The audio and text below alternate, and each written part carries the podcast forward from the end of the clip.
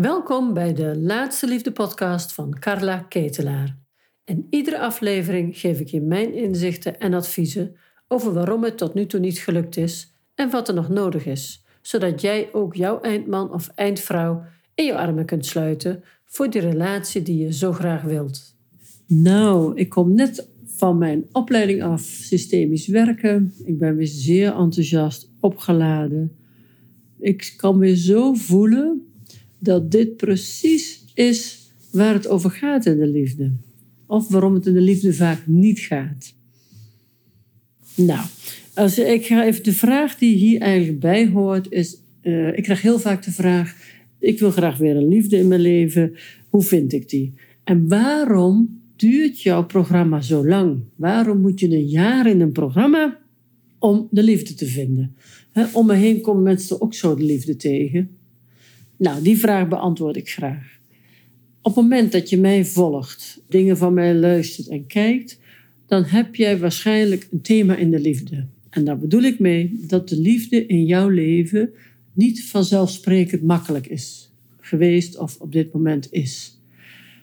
Dat kan zijn dat je een partner verloren hebt, hè, eh, dat je weduwe bent. Het kan zijn dat je gescheiden bent. Het kan zijn dat de relaties die je hebt gehad pijnlijk waren, niet voldoende vervullend. Uh, je bent in ieder geval op dit moment alleen. En nou, misschien heb je het goed en wil je je singelschap. Is helemaal oké voor jou, prima. Je, je kan ook heel goed gelukkig zijn in je eentje.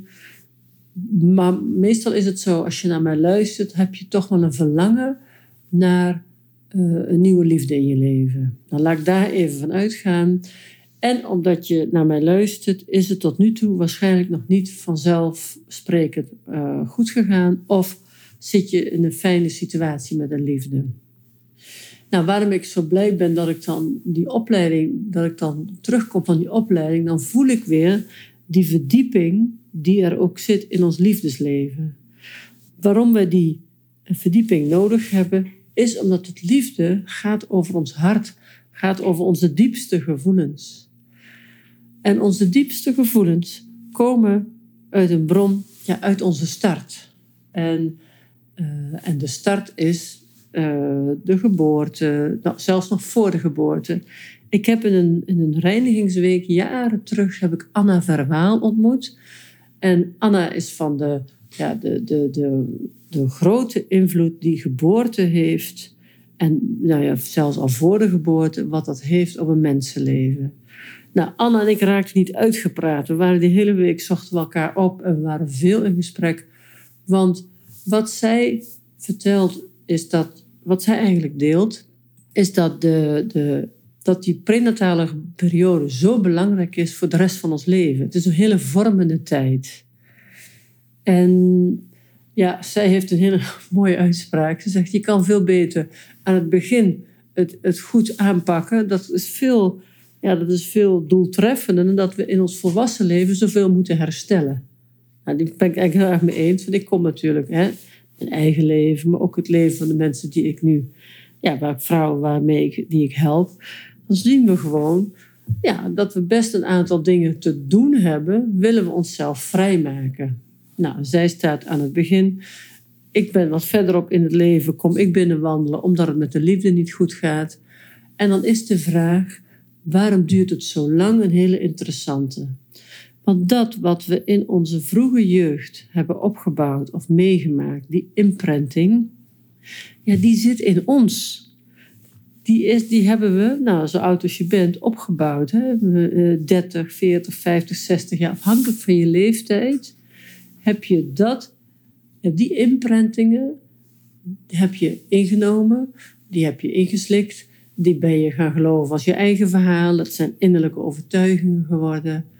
En die nemen we dus mee naar ons volwassen leven, maar dus ook naar de liefde. En in de liefde, daarom denk ik dat ik ook zo'n fan ben van liefdesrelaties. Ja, toch het aangaan, ook al is het niet altijd even makkelijk. Want in dat, in dat zoeken, in dat vinden van die liefde, daar zit zo'n enorme persoonlijke ontwikkeling in daarin kunnen we zoveel helen. Ja, helen in onszelf. Waar het ergens in onze jeugd eh, niet lekker gestart is.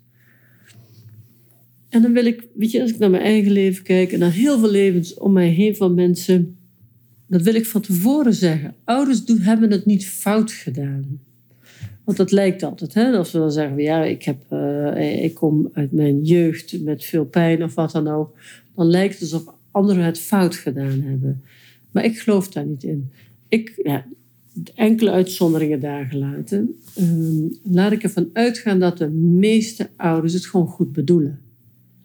Ouders hebben de, meestal de beste intenties voor hun kinderen om ze gezond en gelukkig uh, op te voeden. Maar de vraag is of we voldoende capaciteit hadden daarvoor. Als ik naar mezelf kijk, denk ik, nou, ik heb ontzettend mijn best gedaan, maar ik heb zeker heel wat steken laten vallen. Dat zie ik bij mijn ouders en ik geloof echt dat ieder kind wordt opgevoed met een deel van de wonden van de eigen ouders. Ik vind dat ook een onderdeel van het leven. Ik vind dat geen drama, dat is een soort van, ja, that's life. Hè? Er is geen groei, geen leven zonder dat, er ook pijn, uh, dat je ook pijn meemaakt. Maar, zoals Anna ook zo mooi zegt, we kunnen daar wel heel wat in voorkomen. En voorkomen in die zin dat hoe bewuster we worden, hoe minder schade er aangericht wordt. En dat wij als volwassenen zeg maar, met die schade ook weer groeien en betere mensen worden en mooiere liefdes vinden. Nou, dat is de kracht van, van mensen en zoals ik het zie. Als we even teruggaan naar de, um, naar de start, zeg maar. Um, wat ik dus heel veel tegenkom, is dat vrouwen, en dat vrouwen daten met, met emotioneel onbereikbare mannen. Een emotioneel onbereikbare man is iemand met wie je, uh, die niet echt een verbinding met je aangaat. Dus dat betekent dat je kan wel babbelen, je kan wel kletsen met elkaar, maar als het erop aankomt, is de ander er niet voor jou. Dus daar je, heb je niet het gevoel, bij jou, met jou, op jou kan ik vertrouwen. Als ik het moeilijk heb, kan ik bij je terecht. Jij hoort mij, jij bent bereid mij, naar mij te luisteren. Wat ik voel en ervaar, vind jij, is belangrijk voor je. En andersom is dat natuurlijk precies zo, dat je dat andersom ook ervaart bij de ander. Dan is er een emotionele verbondenheid. Interesse hebben in het goed voelen van de ander. En kijken wat je kan doen als de ander zich niet goed voelt. Dat je kijkt van, goh, wat kan ik voor jou betekenen? Waar kan ik je helpen? En dat betekent niet dat je het over moet nemen of dat je in een relatie wilt zitten waar de ander altijd hulp nodig heeft. Dit is een soort volwassen connectie. Dan voelt de een zich wat beter dan de ander. En natuurlijk ben je zelf verantwoordelijk voor het goed voelen. Maar ook dat kunnen delen met elkaar waar je zit. Dat is emotioneel bereikbaar zijn. Ik mag jou een vraag stellen over jouw gevoel en ik krijg daar een antwoord op. Jij mag mij vragen naar mijn gevoelens en daar geef ik dan een antwoord op. Dat is emotionele openheid, betrokkenheid. En in een liefdesrelatie is het dan nog vaak zo dat je uh, ja, graag het beste wilt, dat je het beste wilt voor de ander. Dat je de, de, het goed voelen van de ander, ja, dat is ook een, een, ja, daar wil je aan meewerken. Dat wil je faciliteren. En dan heeft de ander soms zijn eigen proces, dan ga je een stapje terug, maar je bent bereid dat, dat, dat deel samen te doen. Nou, een uitgebreid verhaal over hoe ik emotionele verbondenheid en openheid zie. En wat maakt nou dat we zo vaak als vrouwen toch aangaan of zoeken naar mannen. Nou, we zoeken er niet eens naar. We, komen, we zijn eigenlijk heel vaak onbewust in relatie met iemand die emotioneel gesloten is. Daar rollen we min of meer in. En na verloop van tijd worden we daar boos over. Dan wordt er gezegd, ja, maar ik kan hem niet bereiken. Hij wil helemaal niet met me praten. Nou, nou, dan gaan we zien wat er allemaal niet fijn aan was. Het is gewoon even een voorbeeld. Hè? Je kunt heel veel vormen hebben van... Ja, nou, dit, dit, is gewoon het voorbeeld wat ik nu, wat ik nu eventjes uh, wil bespreken met jullie. En ben jij een vrouw die emotioneel uh, onbereikbare mannen relatie, vaak relaties mee heeft. Kijk maar eens terug in je leven. Met wie heb ik opgelopen? Met wie heb ik een relatie gehad? Met wie was het fijn? Met wie vond ik het niet fijn? Ehm, dus de mannen, als jij een vrouw bent met ja, emotioneel onbereikbare mannen, dan heb jij hoogstwaarschijnlijk een relatie gehad. Dan is jouw vader, was jouw vader hoogstwaarschijnlijk emotioneel wat afgesloten. Op slot. Uh, daar heb jij heel erg je best voor gedaan om door hem aardig en lief gevonden te worden. Want dat is wat we willen. We willen altijd aardig en lief gevonden worden. Daar zullen we alles voor doen. Kinderen doen dat. Ieder kind wil een ei over de bol van zijn ouders. En wat we als kind heel erg nodig hebben, is, is er mogen zijn. Is er emotioneel, dat er emotionele aandacht voor ons is. En wat we heel vaak meemaken, is dat er materieel heel veel aandacht is. En op de prestaties, dus hoe zie ik eruit, uh, wat presteer ik, doe ik het goed op school. Dus er is veel aandacht voor de, ja, voor de buitenring, noem ik dat. Zeg maar voor de, de, de ring om ons heen, dat is presteren. Um, um, ja, dat stukje. Maar voor ons innerlijk, daar is meestal te weinig aandacht voor. En dat is het gevolg van dat onze ouders daar ook te weinig aandacht voor hebben gehad. En dat ook niet aangeleerd hebben. En zo ontwikkelt zich dat verder. Jij hebt een, misschien een vader gehad die, heel druk, die hard werkte voor het gezin, die heel druk was, die uh, veel weg was. En je hebt daar die emotionele openheid gemist. Het aanwezig zijn, sowieso. Dat is één ding om emotioneel gevoel te hebben met iemand, dat de ander ook echt aanwezig is. Uh, dat is een belangrijke. En na, in die aanwezigheid is er behoefte aan echt contact. Kinderen, mensen kiezen voor het warme contact. Kijk maar met kinderen. Als je aan kinderen zegt, zullen we een spelletje doen of WTV kijken?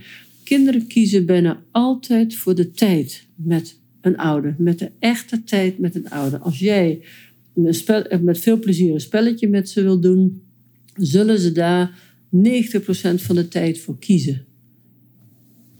Want het is het warme contact wat we willen als mens.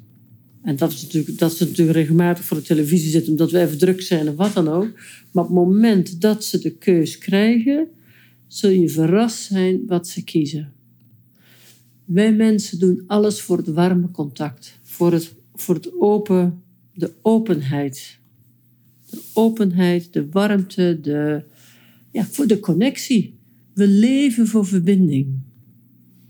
En die verbinding, die, die, nou, dat begint wat Anna vertelt, dat begint dan al bij de, ja, eigenlijk al voor de geboorte, prenataal. Dus de hele geboorteperiode, het, het conceptieperiode, is eigenlijk al cruciaal voor het gevoel wat ouders hebben met betrekking tot hun kind.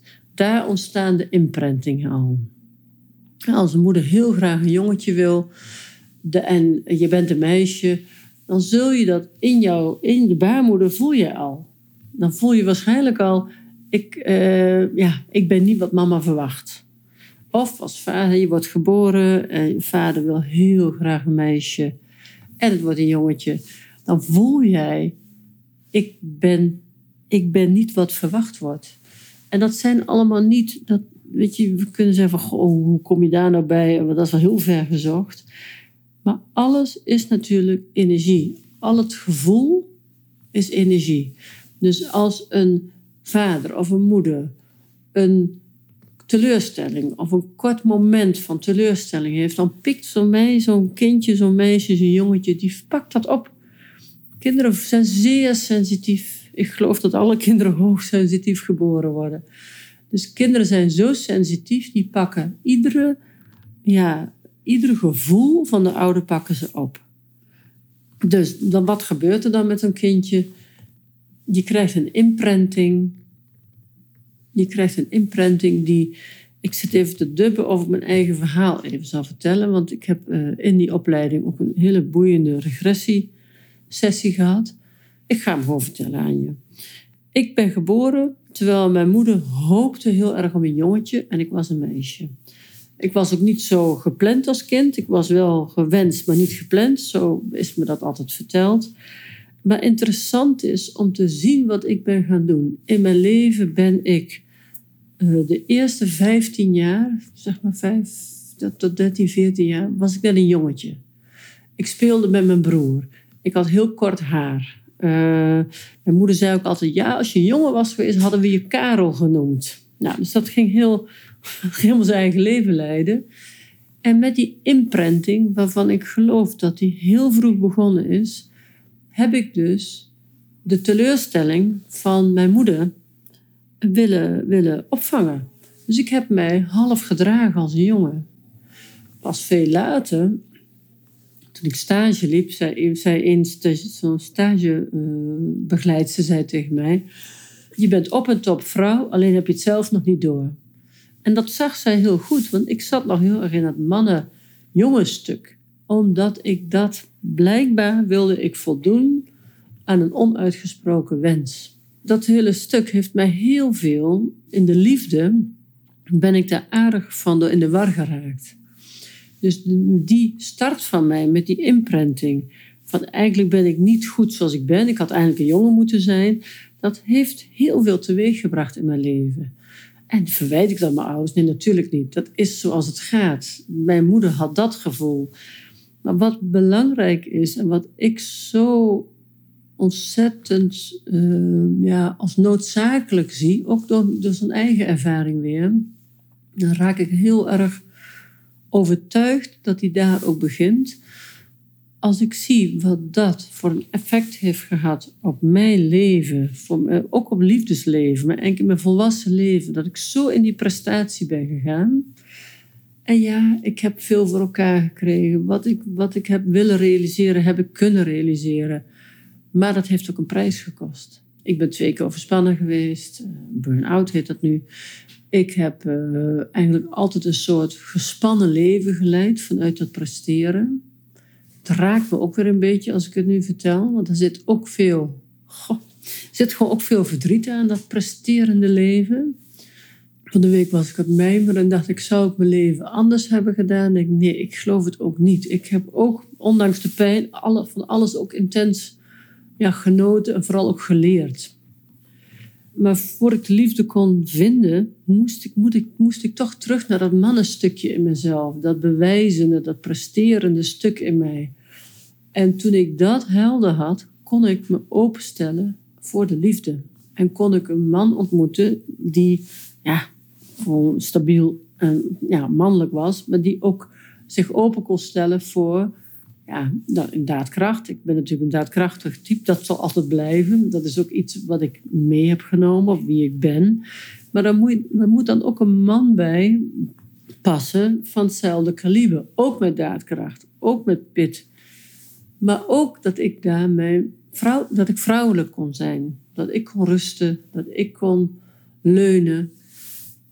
En dat is eigenlijk in mijn relatie met Steven de eerste keer dat dat zo is. En dat heeft mij zo. Uh, dat, heeft, dat doet mij zo. Ja, dat is mijn motor in mijn, in mijn laatste liefde. Dat we werkelijk gaan kijken naar wat, wat zit daar nou onder waarom het in het huidige leven zo moeilijk gaat in de liefde. Ik ben even kijken, ben ik nou erg aan het afdwalen?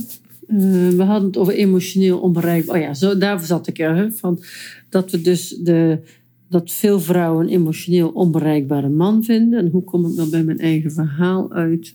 Nou mijn punt is in ieder geval dat onze worsteling nu in de liefde, dat, dat willen we dat oplossen, dan hebben we gewoon stukjes terug te kijken. Iemand zei laatst tegen mij: Ja, waarom moet ik dan naar mijn jeugd kijken als ik een nieuwe liefde wil? En dat snap ik helemaal. Want waarom zou je dat doen? Je zoekt gewoon een nieuwe, nieuwe partner, gezellig. En we gaan verder. Maar zo werkt het niet. Want als die oude patronen, hè, als ik in dat mannenstuk zou gezeten, als ik zou blijven zitten in dat mannenstuk, had ik, was ik nooit naar die tweede afspraak gegaan. Ik kreeg nooit tweede afspraak, want ik zat me in dat mannenstuk. Ik regelde het wel. Ik had mijn leven goed op orde. Dus dat was, daar zat niks geen aantrekkelijkheid in van de andere kant van ik kan nog iets toevoegen in haar leven. Ik kan nog iets betekenen voor haar in haar leven. Nee, want ik had alles zogenaamd voor elkaar. Ehm, ik zat in dat bewijsstuk. En door dat, bewijsstuk, uh, dat ik daar anders mee omging, kon ik mijn liefde ontmoeten. Dus, wat, dus dat betekent dat als je gaat kijken, als je wilt onderzoeken, als je alleen een, een man wilt om, om, ja, hoe moet ik het zeggen? Als je makkelijk denkt over de liefde, ik zoek gewoon een nieuwe liefde. En je hebt dat in het verleden zo een beetje zo'n hobbelpad afgelegd in de liefde. Is het wel een illusie om te denken dat je dan zomaar een nieuwe liefde vindt die perfect past? Want je neemt je oude patroon mee. Dus als ik mijn oude patronen meenam, neemt iedereen zijn oude imprintingen en patronen mee. En dat betekent, dan kun je wel in een nieuwe liefde belanden, maar dat je dan, dan kom je ook weer vrij snel, kom je in dat oude stuk weer die oude pijn tegen. En dan is het niet meer leuk, dan is het niet meer lief, dan is het niet meer happy ever, uh, ever after. Dus dat betekent dat een relatie weer verbroken moet worden. Dus dan gaan we weer stoppen met elkaar. Maar op het moment dat je weer stopt, kom je precies in dezelfde cyclus terecht. Het probleem ligt namelijk niet aan de partner, het probleem ligt op dat moment in onszelf. En willen we onszelf aankijken, willen we onszelf onderzoeken, in wat is er in mijn leven gebeurd waardoor ik een overtuiging heb over mezelf die belemmerend is voor de liefde. Nou, overtuigingen die zitten heel diep. Dat zit diep, maar je haalt ze naar boven door ze bewust te worden. Dus een overtuiging van mij was, ik moet zelf doen. Als ik het zelf doe, het bewijsstuk, laat ik het zelf maar regelen, dan komt het goed. Nou, en ik weet dat er heel veel vrouwen nu luisteren die dit kennen. De flinke, de sterke, ik los het wel op. Uh, nou, op het moment dat we in dat, die imprinting zitten, kun je dus eigenlijk je hart niet echt openen voor de liefde. Want de ander krijgt geen ruimte, omdat je het zelf al allemaal wel oplost en allemaal zelf zo gewend bent het allemaal alleen te regelen. Dus dat is de reden. ik ben alweer zo lang aan het babbelen. Dit is dus de reden waarom uh, mijn programma een jaar duurt. Soms is het zelfs nog te kort. Want als je in een verwerking, als je, hier, als je dit echt bewust wordt, hè, dat je 30 of 40 bent, dan heb je er al 30 jaar over gedaan om dit op te bouwen. Hoezo zou dit dan in, een, in, een, in twee maanden opgelost moeten worden? Hè? Of als je ouder bent, je bent 60 of 65, ja, dan, heb je dat, draag je dit al zoveel jaar mee. Dus laten we de illusie loslaten dat het snel moet gaan. Ik zou zeggen, ga het echt aankijken, ga het onder ogen komen, neem de tijd ervoor, neem dat jaar of langer als je nodig hebt neem die tijd om het nu echt anders te gaan doen. Ga een oud patroon doorbreken. Ga onderzoeken, en daar kan ik je echt heel goed bij helpen. Ga onderzoeken waar zitten mijn imprintingen, mijn overtuigingen, uh, die mij belemmeren om nu op mijn hart te openen, weer kwetsbaar te durven zijn. Uh, Waar zit mijn oude patroon waardoor ik niet goed kan zien welke persoon ik tegenover me heb? Of wat die persoon nou precies uitstraalt? Waarom lijkt dat fantastisch te zijn en valt het eigenlijk na twee maanden heel erg tegen? Omdat we vanuit een imprinting of een tekort aan het zoeken zijn. En mijn missie is om het innerlijk tekort bewust te maken, te kijken waar ligt jouw imprinting. En vanuit dat stuk een, een mooie, dan, dan leg je eigenlijk de basis in jezelf. Je, je metselt een goed, een goed fundament. En dat fundament, daar kunnen we op bouwen. Maar wat er nu heel vaak is, is dat er geen fundament is. Het is een soort, ja, een open, er moet heel veel bevestiging in ons, vaak heel veel bevestiging. En eigenlijk is het een bodemloze put, omdat een innerlijk tekort niet door een ander gevuld kan worden.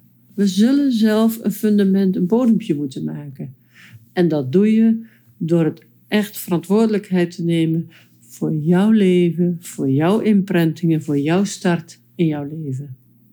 Nou, ik help je er graag bij en ik wens jou een heel een hele mooie dag met veel inzichten. Dag. Voel je geïnspireerd door wat ik vertelde? En voel jij langzamerhand ook weer jouw verlangen? Dat je het eigenlijk ook heel erg graag zou willen. En ik weet dat het bestaat. Ik help vrouwen er dagelijks mee. Ik zie mooie liefdes ontstaan. En als jij nu voelt, ja, misschien wil ik ook wel ja, geholpen worden, of misschien moet ik toch maar eens gaan onderzoeken of ik zelf wat stappen kan zetten. Ik vertel je er heel graag over. Ik doe dat in een gratis webinar. Daarvoor kun je je opgeven via mijn website laatsteliefde.nl. Kijk je bij gratis en dan zie je inschrijven webinar staan. Want geef niet op in de liefde. Het bestaat wel. Ook voor jou. Ik zie je graag.